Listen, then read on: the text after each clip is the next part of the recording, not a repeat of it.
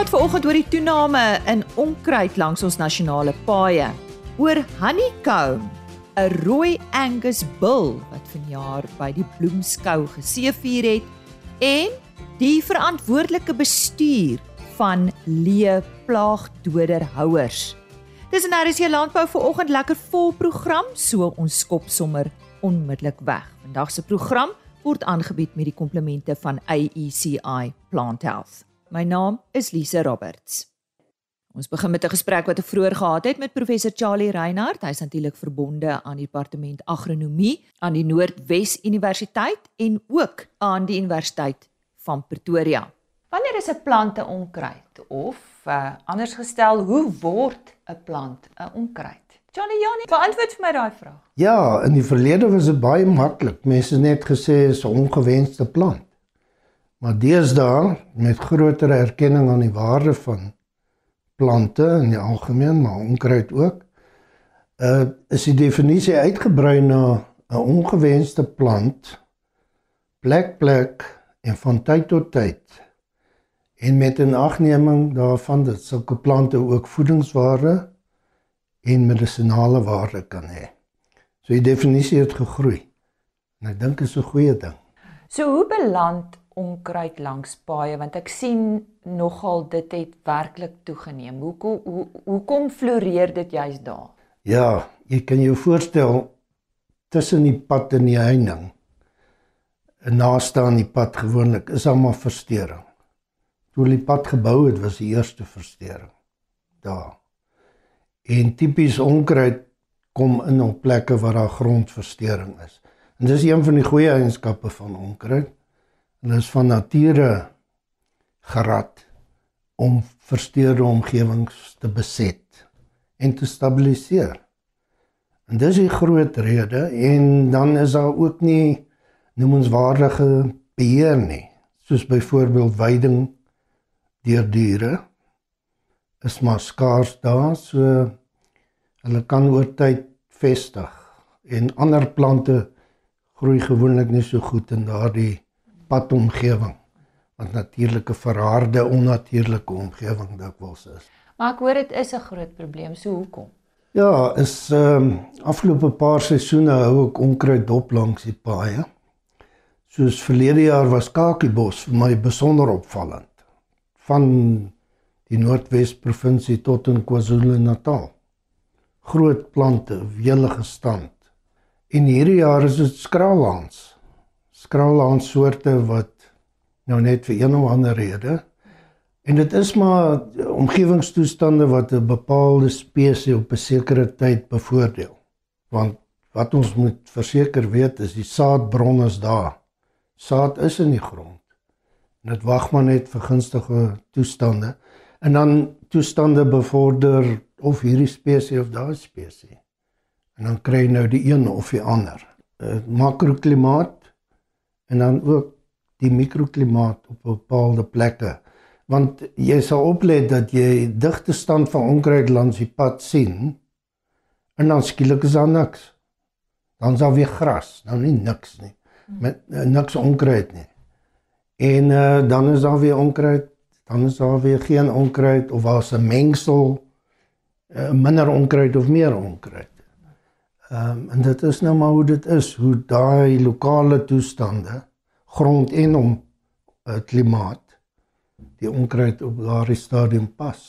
Jy het verwys na skraalhans en uh dat verskillende onkruid verskillende tye voorkom maar in dieselfde gebiede as ek dit reg het. Is daar sekere soorte wat 'n groter probleem langs paaie uh veroorsaak? Ja. Net net eers die algemene probleem met onkruid langs paaie. Jy weet dis 'n besoedelings wat ons praat van lynbesoedeling. Nie puntbesoedeling, maar 'n lyn. Neem nou maar die pad. En die risiko is daar en definitief gaan voertuie saad optel in die pad veral as dit nat is, modderig grondpaaie en so word sade honderde kilometers ver versprei. Nou dit kan nou 'n bepaalde soort wees wat problematies is vir gewasproduksie byvoorbeeld. dan jy nou hierdie lang lyn van saadproduksie. En vanaf die padskouers gaan hulle dan die lande binne. Ehm uh, hierdie seisoen het ek opgemerk selfs in droë dele daar in Douglas omgewing waar skraalhans van die pad pad af die veld indring. staan dit plate daar binne in die veld. Ehm um, natuurlike aanduiding onder andere van waarskynlik oorbewyde veld. Want wat ek opgemerk het is waar jy gras dig sien groei, 'n uh, 'n skraalhans nie daar nie en ook nie ander onkruid nie soos byvoorbeeld bloubuffelsgras. Baie gewenste weidinggras uh het 'n uitstekende vermoë om onkruid te onderdruk. So ons moet ons onkruide beter leer ken sodat ons hulle beter kan bestuur. Maar maar saam met hierdie saadbesoedelingsrisiko uh gevaar is daar ook 'n brandgevaar. Die onkruid langs die pad as hulle nou uiteindelik volwasse is, en meeste van hulle is maar 1 jarige plante. So hier teen die herfs word hulle droog. Nou kry jy hierdie brandgevaar wat geskep word waar die vuur van die pad se kant af oor die veld kan hardloop. So dis 'n wesenlike risiko ehm um, waarvan boere moet kennis neem. Net bietjie meer oor sekere soorte. Soos ek nou genoem het, die eenjarige soorte is aangepas om versteurde areas te investeer en dan produseer hulle baie saad en um, as die res van die veld, die res van die plantgemeenskap uh, in 'n swak toestand is, dan gaan hierdie onkruid mettertyd die oorhand kry. En so neem die weidingswaarde van jou veld natuurlik neem af. Maar interessant genoeg, baie van hierdie onkruide op 'n jong stadium is hulle baie voedsaam. Ons navorsing het byvoorbeeld gevind dat skraalhans is in baie opsigte net so voedsaam soos lucerne. Ja, hoë proteïninhoud, aanvaarbare vetinhoud en goeie veselinhoud. Maar dis net wanneer hy jonk is. En omdat hy 1 jarig is, lucerne is meerjarig. Gaan jy nie so baie nut uit hom kry nie want hy word later aan houtagtig. En dan gaan die diere hom nie vreet nie. En wanneer jy nodig het dat hulle hom vreet, is om te verhoed dat blomme gevorm word. As ons praat van langs die paaie, is dit eintlik staatsgrond. So die beheer daarvan moet eintlik deur staat toegepas ja. word. Hoe beheer 'n mens dit en ja. en Ja, ek is bly jy raak dit aan. Ja. en wat van landerye direk daarna? Ja. Is dit dan die boer se probleem? So verduidelik ja. vir ons. Ek het uh, opgemerk uh, plek plek dat boere inspring en self die plante groei sny langs die pad en dit raak vir hulle 'n probleem. Ja, dis ja. sommer 'n brandgevaar. Jy wil daai biomassa afkry dat jy nie brandgevaar skep nie. En ek is seker dis onwettig. Jy weet die padouens sal seker sê dis ons pad. Soos hulle van slag gehad het deesdae sê, jy mag hom self regmaak. Jy weet daar is 'n baie positiewe manier om onkruid langs die paaie te beheer, te onderdruk basies. Uh, die een het ek genoem, probeer dat hulle nie saad vorm nie. Maar dis makliker gesê as gedaan tussen die pad en die heininge, want dis die eiendom van die padowerheid. Dit maar in Amerika en Europa is daar groot veldtogte om gemeenskappe van plante te vestig wat dien as aanlokking vir bestuivers soos bye en ook natuurlike predatore vir insekte wat skadelik vir gewasse is. So ons behoort behoort meer aandag te gee aan die plante groei buite ons eiendom of buite die dele wat vir ons belangrik is. Ook op die wenakkers van landerye. Gewoonlik is dit maar net 'n bron van nog onkruid, want die produsente heeltemal tereg stel net belang om onkruid op die land of in die land te beheer. So die wenakkers bly 'n bron van saadbesoedeling. So as ons daardie wenakkers kan omskakel in plantgemeenskappe bestaande uit gewenste plante soos plante wat bestuivers aanlok, predatore vir insekte, dan gaan ons baie meer kan bereik om doeltreffend te kan boer. Maar as dit beheer word, hoe word dit beheer? Die probleemplante langs die paaie. So nou dan sien jy in sekere provinsies minder as in ander provinsies dat die owerhede tog snywerk doen, hè. Dis goed, dit soos ek gesê het, dit verhoed saadproduksie. Maar daar is ook die gebruik van onkruiddoders. Nou het ek al baie gesien wat 'n groot skade rig nie die onkruiddoder as sulks aan nie, aan die omgewing nie, maar die verkeerde gebruik. Sodra daar onkruiddoder in hande beland wat nie behoorlik opgelei is om dit te gebruik nie of nie genoeg kennis beskik oor hoe dit werk nie, dan kry jy probleme. Ek het al gesien waar bome vrek ver in die veld in, verby die heining, weg van die pad af. En nog erger, residue van sulke onkruiddoders het al in besproeiingsdamme beland wat aangrensend tot die paaie is en dan word met die water besproei en dan lei dit tot gewasskade.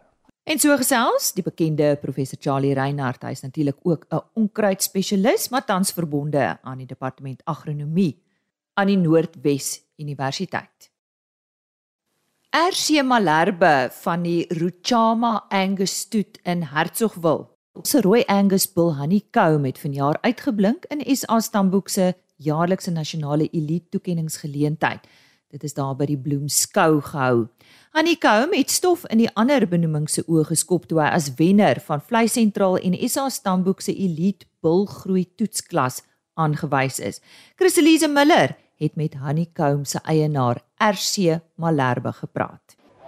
RC baie geluk met julle eerbewys. Waaraan skryf jy dit toe? Ehm um, ja, dis 'n groot eerbewys. Ek meen dis genade van bo. Ehm um, alles wat ons het, ek meen kom kom van bo en dis net 'n genade om om met die Here se skepping te kan werk. En ja, ek dink dis my pa en my oupa se harde werk 'n klomp jare terug. Ek meen hulle het stoeterye begin. Ek gaan net daarmee aan en dis ja, dis baie lekker so. Ek dink dit is klomp jare se harde werk en passie vir teeling. Maar ja, baie baie baie bly.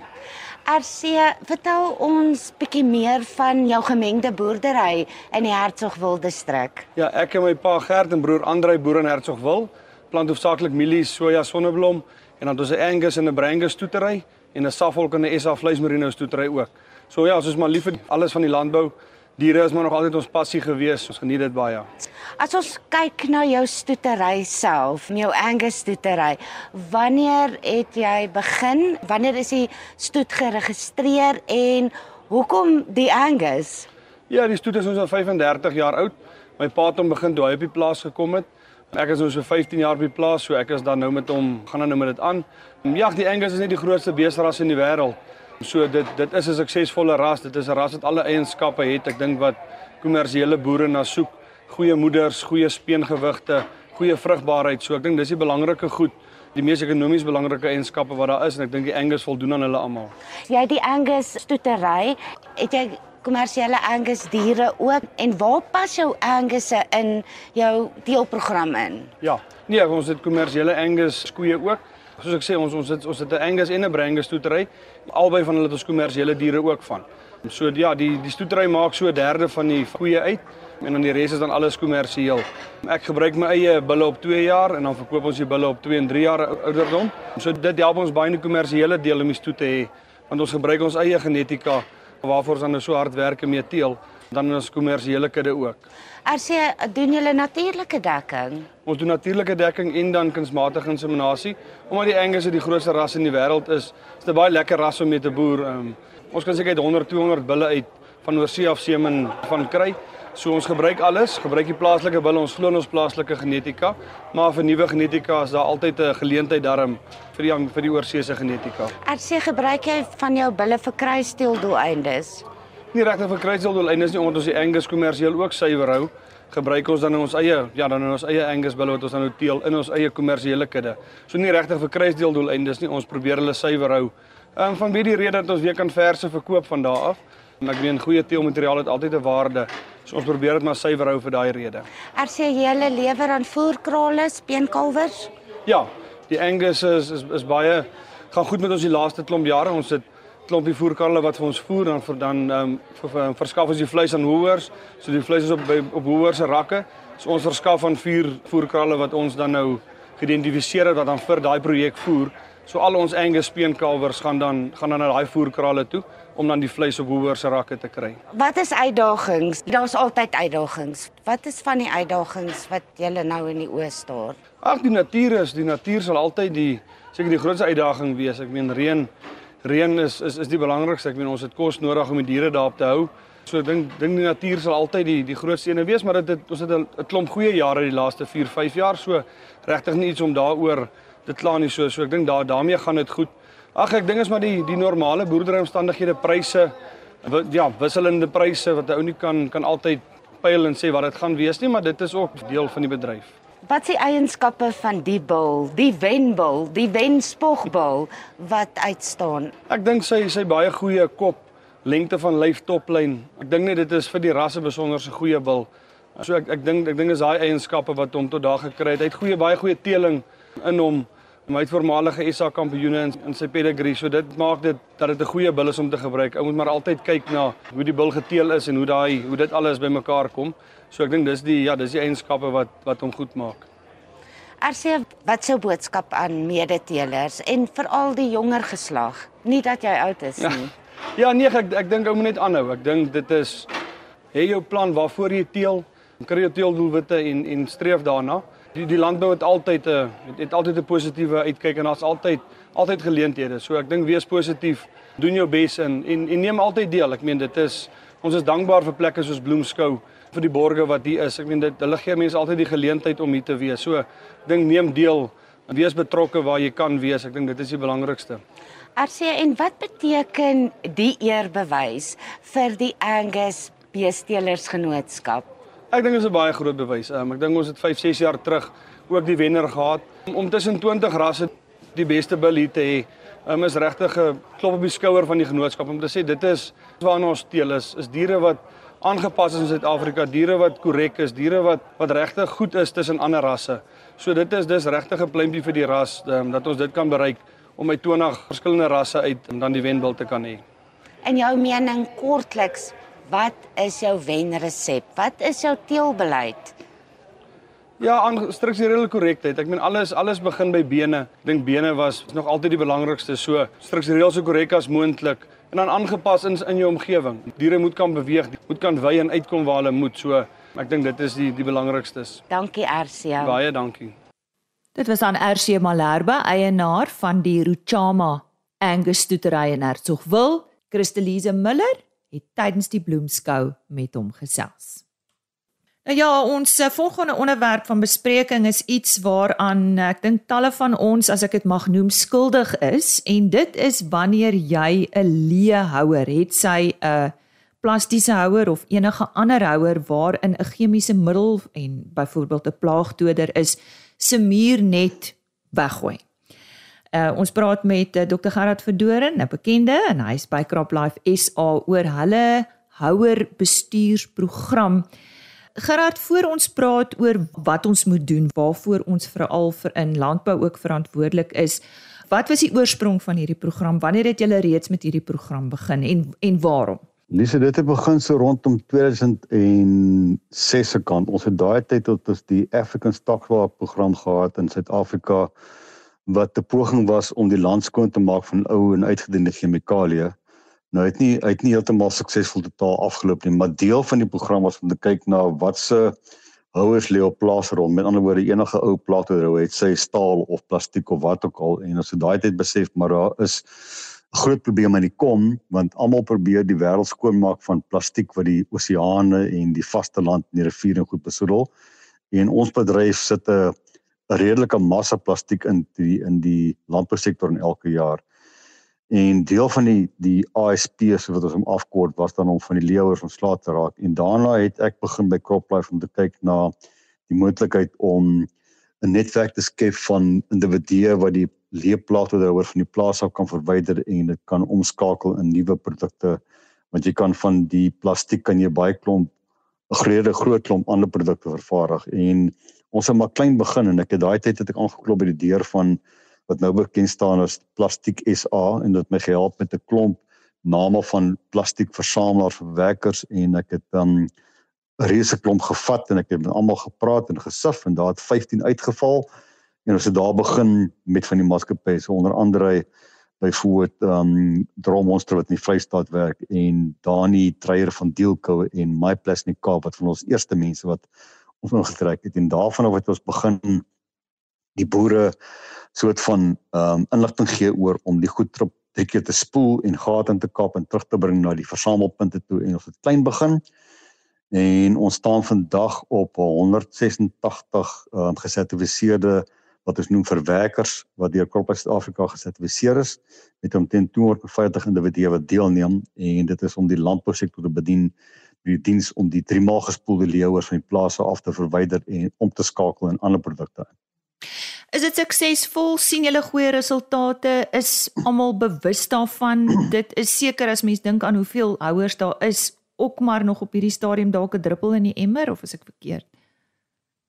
Nee, ek dink ons vaar, weet almal sê vir my ek's altyd 'n uh, weet uh, ambisieus met die goed, maar ek wil kom by 100%, maar dis nou seker 'n lang droom en 'n klein pypietjie daai, maar ons het dan tot en met nou gevorder wat ons amper amper 85% van al die leë plastiekhouers inwin van die plase af en verwerk. So ons is nou op hierdie stadium, ek dink die derde of vierde beste land in die wêreld. So ons elk performance in Engels sê die Europeërs heeltemal, die Europeërs sit maar hier by 50%. So hierdie klein ou landjie in die suidpunt van Afrika vaar uitstekend met ons plastiek um, herwinning van die plase af. Um, ons het nog heel 'n hele paar kwessies naamlik dat nie al die produsente spoel al die houers goed uit nie en baie keer dan kom jy agter maar daar is nog residue in die plaashouders maar daar's ons besig met 'n groot um veldtog met ons verwerkers en met ons lede van Kroppe Suid-Afrika soos onder andere byvoorbeeld ACI Plant Health om deur die gewasadviseurs wat met die boere werk hulle op te lyn te sê maar manne julle en vroue julle met julle dromme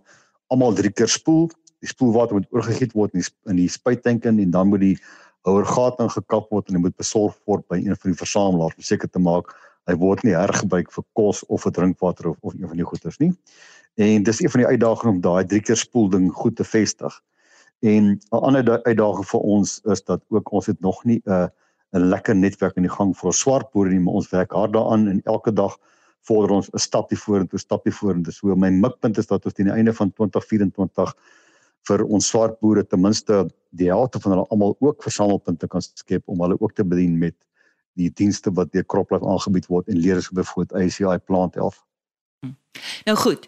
Ek is 'n boer of 'n gebruiker van so 'n item en ek het nie op 'n op hierdie stadium 'n 'n 'n punt waar ek my houers kan gaan aflaai dat julle dit vir my herwin of van ontslaa raak nie wat is die verantwoordelike gebruik of herwinning of weggooi van hierdie tipe houers? En ons praat nie net van plastiek nie, laat ons dit nou baie duidelik maak, is ek reg? Ja, dit is hoofsaaklik plastiek. Daar's 'n klein bietjie staal, maar dit is hoofsaaklik in die groot dromme wat deur die professionele maatskappye gebruik word wat uh, die plaagbeheer doen onder 'n bepaalde permit en dan staan die klein verpakkingkies wat lê aan die kant van die gebruikers. Met ander woorde, daar is byvoorbeeld glas en daar's verskillende soorte plastiek en daar's ook aluminium ehm um, bubbelverpakkingkies. So maar die hoofding bly maar plastiek. So daar's twee verantwoordelikhede. Eerste plek in terme van die afvalbestuurswetgewing wat onder die nasionale omgewingsbestuurswet sê sê dat die die afvalgenereerder met ander woorde ek as gebruiker of as ek as die boer moet seker maak dat daardie afval van 'n gevaarlikheidsvlak afgevat word na 'n nie gevaarlikheidsvlak toe en dit is nou juist daar wat CropLife Suid-Afrika inkom en sê maar as jy die leeplaagdode verpakking 3 maal spoel en jy skiet die spoelwater in die spuittank in en jy kap dan gate en as daai houer is nominaal leeg en in terme van ons wetgewing en ons standaarde wat ons Suid-Afrika het mag daai houer dan vervoer word en hy mag verwerk word met 'n spesiale permit nodig nie. Dit is die die verantwoordelikheid aan die kant van die afvalgeneerder met woorde die boere vir gebruiker.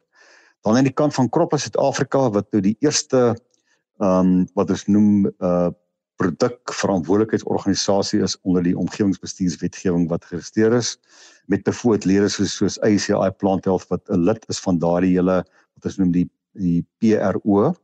Ons verantwoordelikheid is om die infrastruktuur te skep sodat elke gebruiker in Suid-Afrika en elke boer 'n afsetpunt het vir daardie nominale skoon verpakkings en ek moet jou nou eerlikwaar sê dat van ons van ons kommersiële boere en baie van ons swart boere is seker omtrent al 80% het 'n versamelpunt naby genoeg aan hulle waar hulle kan hulle leeuers kan vat en daar self party van die versamelaars wat rondry op plase en leeuers gaan optel by die plase. So daar's nie rede om te dink dat my houers nie verwerk kan word of ingesamel kan word nie en ons het op ons kroplys Suid-Afrika webtuiste onder container management is daar al die inligting beskikbaar van hoe om die houers skoon te maak en die lys van al die gesertifiseerde verwerkers per provinsie. So ons het klaar infrastruktuur geskep en ons is al klaar 'n hele entjie voor van dit wat die staat van verwag te doen met die leeuhouers. So dit is die twee verantwoordelikhede. En ehm um, as daar hakplekke kom dan moet die dan moet die boere vir almal kontak maak met hulle gewatsadviseur by ICI plante of hulle sê kerels gee net asseblief met die lys van waar is die afsetpunte en dan kontak jy maar die naaste punt aan jou en in baie gevalle kan jy self met jou voertuig die goed afvoer soontoe of jy kan vra is daar iemand wat miskien kan kom optel? En die plastiek is van so hoë waarde dat baie van die verwerkers ry rond op plaas en gaan tel die goed op want hulle kry 'n klomp geld jy weet. En as ek nou dink aan ons het uh waarskynlik in hierdie jaar wat nou verby is 2022 het ons amper amper 85% van die plastiek herwin in die totale wins wat gemaak word deur hierdie ander bedryf is oor die 111 miljoen. Met ander woorde, die mooi ding daarvan vir my is dat die boere se afval gee vir 'n reuse klomp ander mense 'n bitter goeie inkomste. Jy weet, en ek dink daar's as ek nou praat van 250 individue, dis nou die wat sertifiseer is om die afval sertifikate uitreik, maar daar's oor 1000 mense al betrokke in ons netwerk. Met ander woorde wat 'n lewe maak uit wat op die boere se plaas 'n uh, 'n leeuer as afval word, gaan in 'n stelsel om vir almal se lewe te skep. So dis 'n baie goeie stelsel om te dink dat byvoorbeeld ACI plantel se leedrom word by ouend byvoorbeeld 'n wingerdstokkie of hy word byvoorbeeld 'n um, 'n bespringspyp of word 'n plastiek sak wat iemand geld gemaak het. So dit is vir my ek dink die mooi storie daarvan dat die netwerk is toegemaak. Met ander woorde ons plastiek gaan nie oseaan toe nie. Hy gaan terug in 'n ander plastiekkommoditeit wat vir iemand iewers te waarde toevoeg en wat deur 'n boer gebruik kan word. Wees verantwoordelik met jou leeplaagdoderhouers. Goeie raad vanaf Dr Gerard Verdoren van CropLife SA. Ek moet haas groet baie dankie dat jy ver oggend saamgekuier het. RC Landbou is op die rsg.co.za webtuiste as potgooi beskikbaar. Indien jy enige inligting benodig, stuur gerus 'n e-pos aan rsglandbou@plaasmedia.co.za. Totsiens. RSG Landbou is 'n plaasmedia produksie met regisseur en aanbieder Lize Roberts en tegniese ondersteuning deur Jolande Rooi.